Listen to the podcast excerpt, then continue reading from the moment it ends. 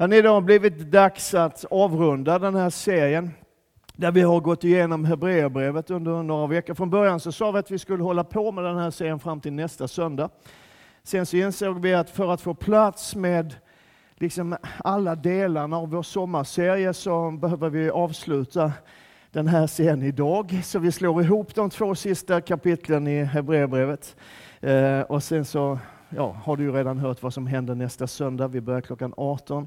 Vi använder Back to Basics-materialet och det funkar för den som eh, skulle vara intresserad av tron på Jesus och är lite nyfiken sådär, precis som vi hörde. Men det funkar för den som har varit, varit frälst och kristen i, i, i hur många år som helst också.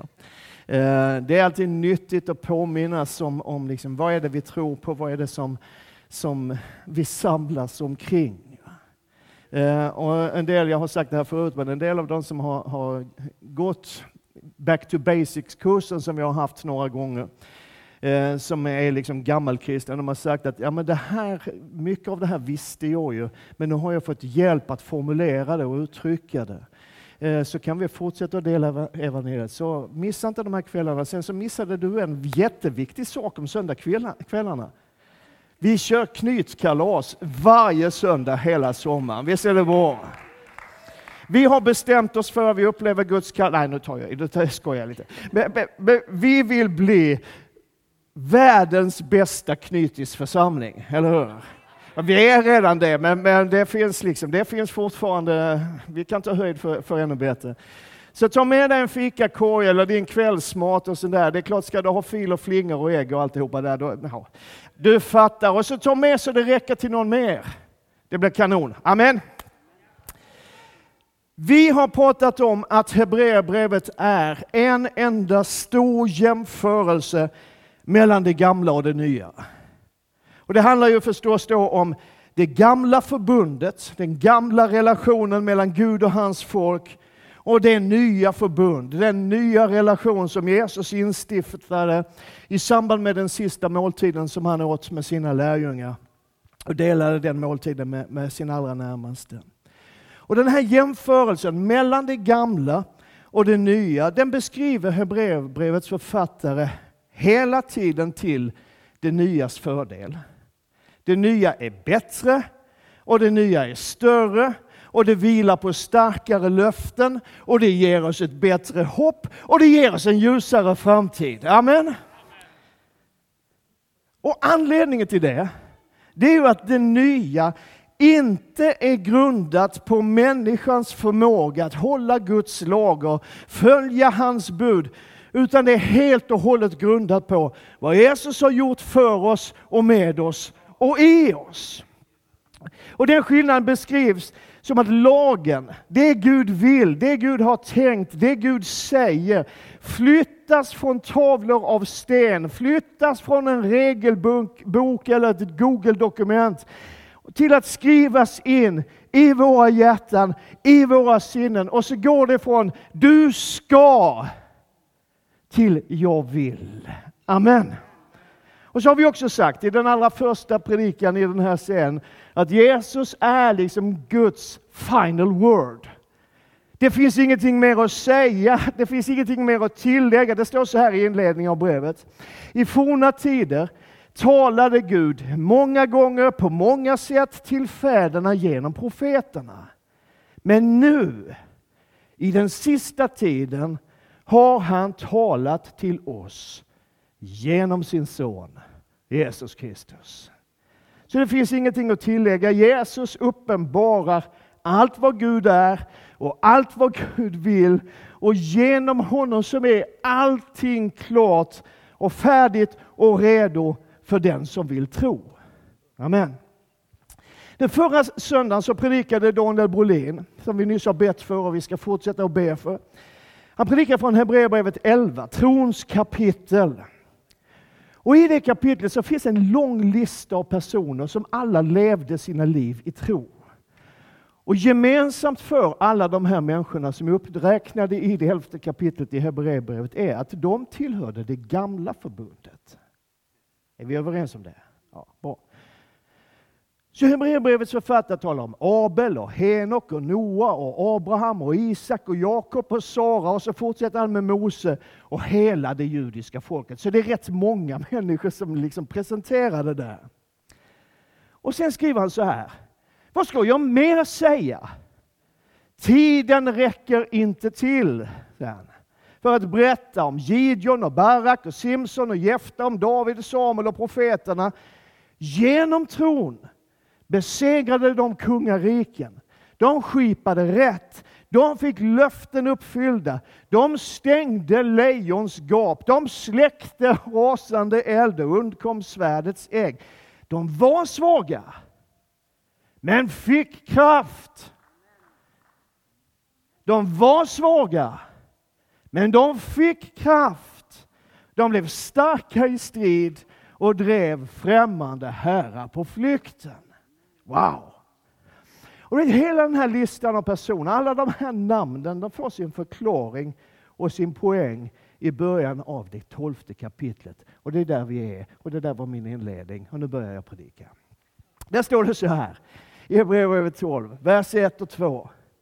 När vi nu har en så stor sky av vittnen, låt oss då lägga bort allt. Vad är vittnen? Ja, men det är de som det står om. Alla de som har gått före tron. När vi nu har en så stor sky av vittnen omkring oss, låt oss då lägga bort allt som tynger och särskilt synden som snärjer oss så hårt och löpa uthålligt i det lopp vi har framför oss. Och låt oss, låt oss ha blicken fäst på Jesus, trons upphovsman och fullkomnare. Och Det är som att Hebreerbrevets författare vill liksom säga att om de kunde klara det, de här i kapitel 11, om de som levde under det gamla förbundet, om de kunde leva i tro av tro och genom tro, om de kunde hålla ut i tro, om de kunde fullborda sina lopp i tro, trots att de dog innan löftena som de trodde på var uppfyllda, då kan vi också klara det. Då kan vi leva i och av tro och då kan vi hålla ut och då kan du och jag fullborda våra lopp. Därför att vi har någonting som inte de hade. Och Det är det som Hebreerbrevets författare påminner om. Låt oss ha blicken fäst på Jesus. Och det är det som är skillnaden. De hade löftet, vi har det uppfyllda löftet. De hade skuggbilder, vi har verkligheten. De höll ut i tro utan att se, utan att veta säkert. De höll fast vid vad Gud hade lovat och en del av dem fick hålla fast vid vad andra sa att Gud hade lovat, för de hade inte hört det själva. Men de höll fast. Genom stormar, genom krig. I lite medgång men mest motgång. Under förföljelse, under lidande, under slaveri och fångenskap. Men de höll fast. Vet, ibland blir jag lite frustrerad över mig själv.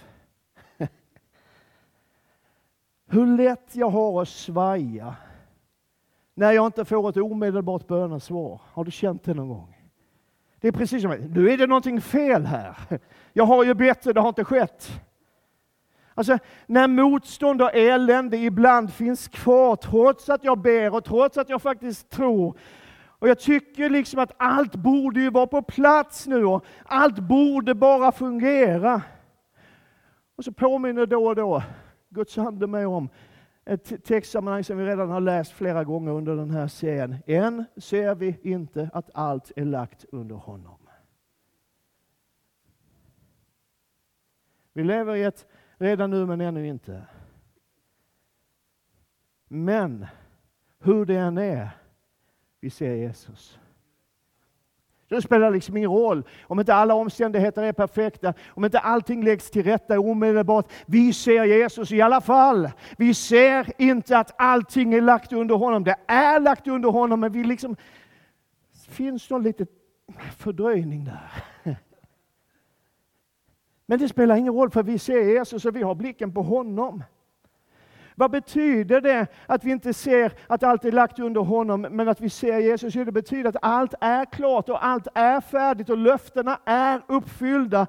Men de har liksom inte helt och hållet kommit på plats ännu. Så ibland så ser det ut som om mörkret och ondskan fortfarande regerar. Och ibland ser det ut som om det inte går att få några bönesvar. Och ibland så ser det ut som om våra böner och vår tro inte spelar någon roll. Men vi ser Jesus. Vi ser Jesus. Och liksom allt det där som det ser ut som, det är fejk.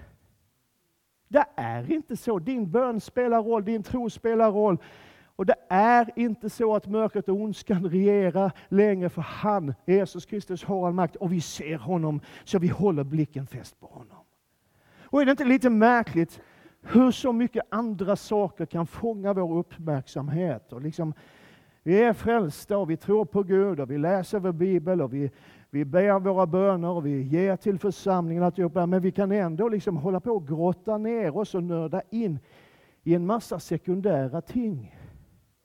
Helst sånt som man kan diskutera och debattera om. Speciellt vi män.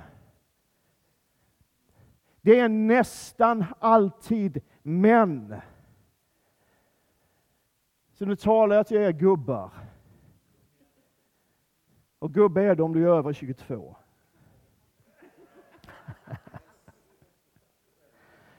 För några år sedan så mötte jag en man som hade byggt en enorm modell i uthuset i en liten by utanför Norrköping. Den var 3-4 meter lång, den var 2-3 meter bred med berg och kullar, sådana, vad heter det, papier-maché, heter det så? Ja, ni vet vad jag menar, sådana här pappersklet. Och det här var, påstod han, jag har inte mätt så jag har inte kollat, men han påstod att det var en skalenlig modell över hur Israels stammar och trupper var grupperade vid något av Gamla Testamentets många slag. Och han hade lagt år på det. Kan vi hålla blicken på Jesus?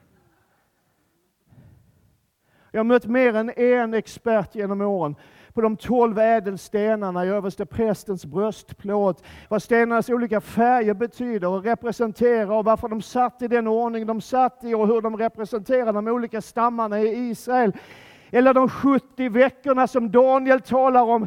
Eller varje detalj i Uppenbarelseboken i kronologisk ordning. Vilket i sig är ganska märkligt eftersom Uppenbarelseboken inte är skriven i kronologisk ordning. Eller allt du vill veta eller inte vill veta om Antikrist. Och det där är ju säkert både bra och intressant, jag vet inte. Men älskade vänner.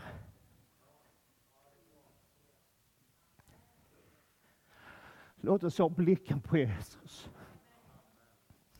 För han är trons upphovsman och fullkomnare. Och Det betyder att han är källan till vår tro och han är den primära anledningen till vår tro. Tron kommer från honom och den ger som en gåva till oss genom honom. Och när den har landat i våra hjärtan så riktar den sig till honom. Så håll blicken fäst på Jesus. Det finns en berättelse i evangelierna som du känner igen om du någon gång har gått i söndagsskolan i ditt liv. Alltså lärjungarna är ute i en, i en båt på, på sjön. Och plötsligt så kommer Jesus gående på vattnet.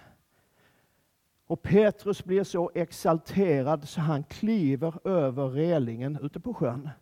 Kliver över relingen för att gå Jesus till mötes. Och det står faktiskt att han gick på vattnet fram till Jesus. Det står det. Petrus steg ur båten och gick på vattnet fram till Jesus. Och tänk hur många predikningar du har hört och jag har hållit om hur Petrus misslyckades, hur han sjönk. Det kan ju vem som helst kan ju sjunka. Eller hur? Det gör jag i stort sett varje gång. Inte riktigt, men i stort sett varje gång jag kliver över relingen på vår båt så sjunker jag som en sten. Det är inte svårt. Kräver ingen tro. Det bara funkar liksom. Det är väl ändå märkligt. Liksom. Petrus är tillsammans med Jesus, vad jag vet, de två människor i världshistorien som har gått på vattenytan. Men när han såg hur stark vinden var så blev han rädd. Och han började sjunka och ropade Herre, rädda mig. Och du som har gått söndagsskolan och, och har liksom hört söndagsskolfröken berätta det, du vet att sensmoralen i den här berättelsen, den är ju den här liksom att så länge Petrus hade blicken på Jesus så gick det bra. Men när han tog blicken från Jesus och gav sin uppmärksamhet till omständigheterna, det som var besvärligt, det som faktiskt hotade honom, då sjönk han som en sten. Så håll blicken fäst på Jesus när det stormar i livet, när allt går emot dig, när inflationen är hög och räntorna stiger och krigen rasar och miljön är hotad. Håll blicken på Jesus. Och håll blicken fäst på Jesus när allt är som det ska, när du glider fram på din räkmacka, när du har framgång, när du kanske till och med blir uppe i alla livets situationer. Håll blicken fäst på Jesus. Varför? Därför att det är han som är den stora skillnaden mellan det gamla och det nya. Det är ju han som Hebreerbrevet handlar om. Det är han som jämförelsen mynnar ut i. Vad är skillnaden mellan gamla förbundet och nya förbundet? Jesus. Han är det som vi har, som de inte hade. Och och nu hoppar vi rakt in i det sista kapitlet. Ser du hur smidig övergång jag gjorde? till, till den vers som på så många sätt sammanfattar Hebreerbrevet och faktiskt hela evangeliet. En vers som jag älskar av hela mitt hjärta. Vi har talat om att Jesus är Guds final word. Han är uppenbarelsen av allt Gud är och allt vad Gud vill. Han är utstrålningen av Guds härlighet. Han är Guds väsens avbild. Han är större än alla änglar, han är större än Mose och han är större än lagen. Och han är större än alla präster och hans offer är bättre än alla andra offer. Och det offer som är givet en gång för alla, det gäller i evighet och han är trons upphovsman och fullkomnare. Och nu står det så här i en vers med lite underlig grammatik och med ett innehåll som är helt makalöst. Att Jesus Kristus är densamme igår och idag och i evighet. Och det här är en text som jag har predikat över så många gånger, i så många länder, på så många platser, i så många sammanhang, därför att den är relevant precis överallt. Jesus är densamme igår och idag och i evighet.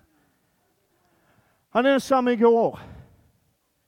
det betyder att han kan ta hand om ditt förflutna. Han var där igår. Precis likadan som han är idag, som han alltid har varit.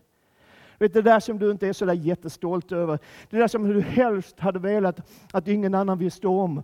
Din synd och dina misslyckanden, allt det där som människor faktiskt som vet om det, ibland påminner dig om. Det där som djävulen drar upp och påminner dig om. Det där som du själv har så svårt att släppa. Jesus har tagit hand om ditt förflutna. Bibeln säger att han har förlåtit oss alla överträdelser och utplånat skuldebrevet som vittnade mot oss med sina krav. Det tog han bort genom att spika fast det på korset. Amen. Ditt förflutna är inget problem. Det ser ut som du inte har något förflutet, jag har hört ett och annat. Ska jag... Nej. Han har fixat det allt sammans. Han är densamme idag. Och Det betyder att det finns hjälp att få idag. När du är frestad, när du kämpar, när du inte riktigt orkar tro, när du är drabbad av sjukdom och ensamhet och tvivel. Han är densamme idag. Vi har inte en överste präst som inte kan ha medlidande med våra svagheter, utan en som har varit frestad i allt, liksom vi, fast utan synd. Låt oss därför frimodigt gå fram till nådens tron för att få barmhärtighet och finna nåd till hjälp i rätt tid. Vad är hjälp i rätt tid? Ja, det är ju inte när du inte behöver den, det är ju när du behöver den, fattar du? Han är densamme i evighet. Imorgon och på torsdag om tio år. Vad betyder det? Det betyder att din framtid är säkrad. Alltså att din framtid är säkrad. Om du tror på Jesus så är evigheten din. Och det är en fantastisk evighet. Den makalös evighet. För i Jesus och genom Jesus så har vi ett hopp som är så mycket bättre. Lyssna på det här. Ni har kommit till Sions berg, den levande Gudens stad, det himmelska Jerusalem, till änglar i mångtusental, till en festgemenskap. Amen. Det är därför vi gillar att festa i vår församling. Vi bara förbereder oss för evigheten. Amen.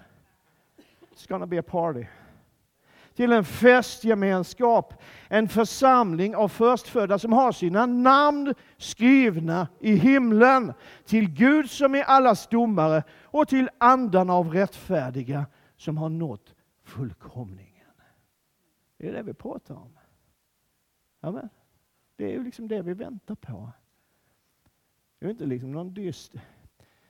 Jag har sagt förut, men liksom en, en del tänker himlen och evigheten som en enda lång gudstjänst. Jag gillar gudstjänst, det har jag sagt många gånger. Jag älskar att ha gudstjänst. Så länge vi är här. Jag ska säga att när jag, när jag kommer till himlen ska jag inte gå på en enda gudstjänst. Då ska vi ha party. Då är det fest. En festgemenskap. Amen. Då ska vi äta gott Då ha det roligt och härligt och prisa Gud lite. Sådär. Men vi ska inte ha en gudstjänst. Men du får gå på om du vill. Det finns säkert någon som ordnar det. Men Han, han, med, han med modellen över Israels stam. Nej. Gud har nämligen förberett något bättre för oss. Så Hebreerbrevet liksom slutar där det börjar. Det är bättre och det är större. Gud har förberett något bättre för oss. Så älskade vänner, slutorden i den här predikoscenen måste helt enkelt bli det här. Låt oss ha blicken fäst på Jesus, trons upphovsman och fullkomnare. Och allt folket sa Amen.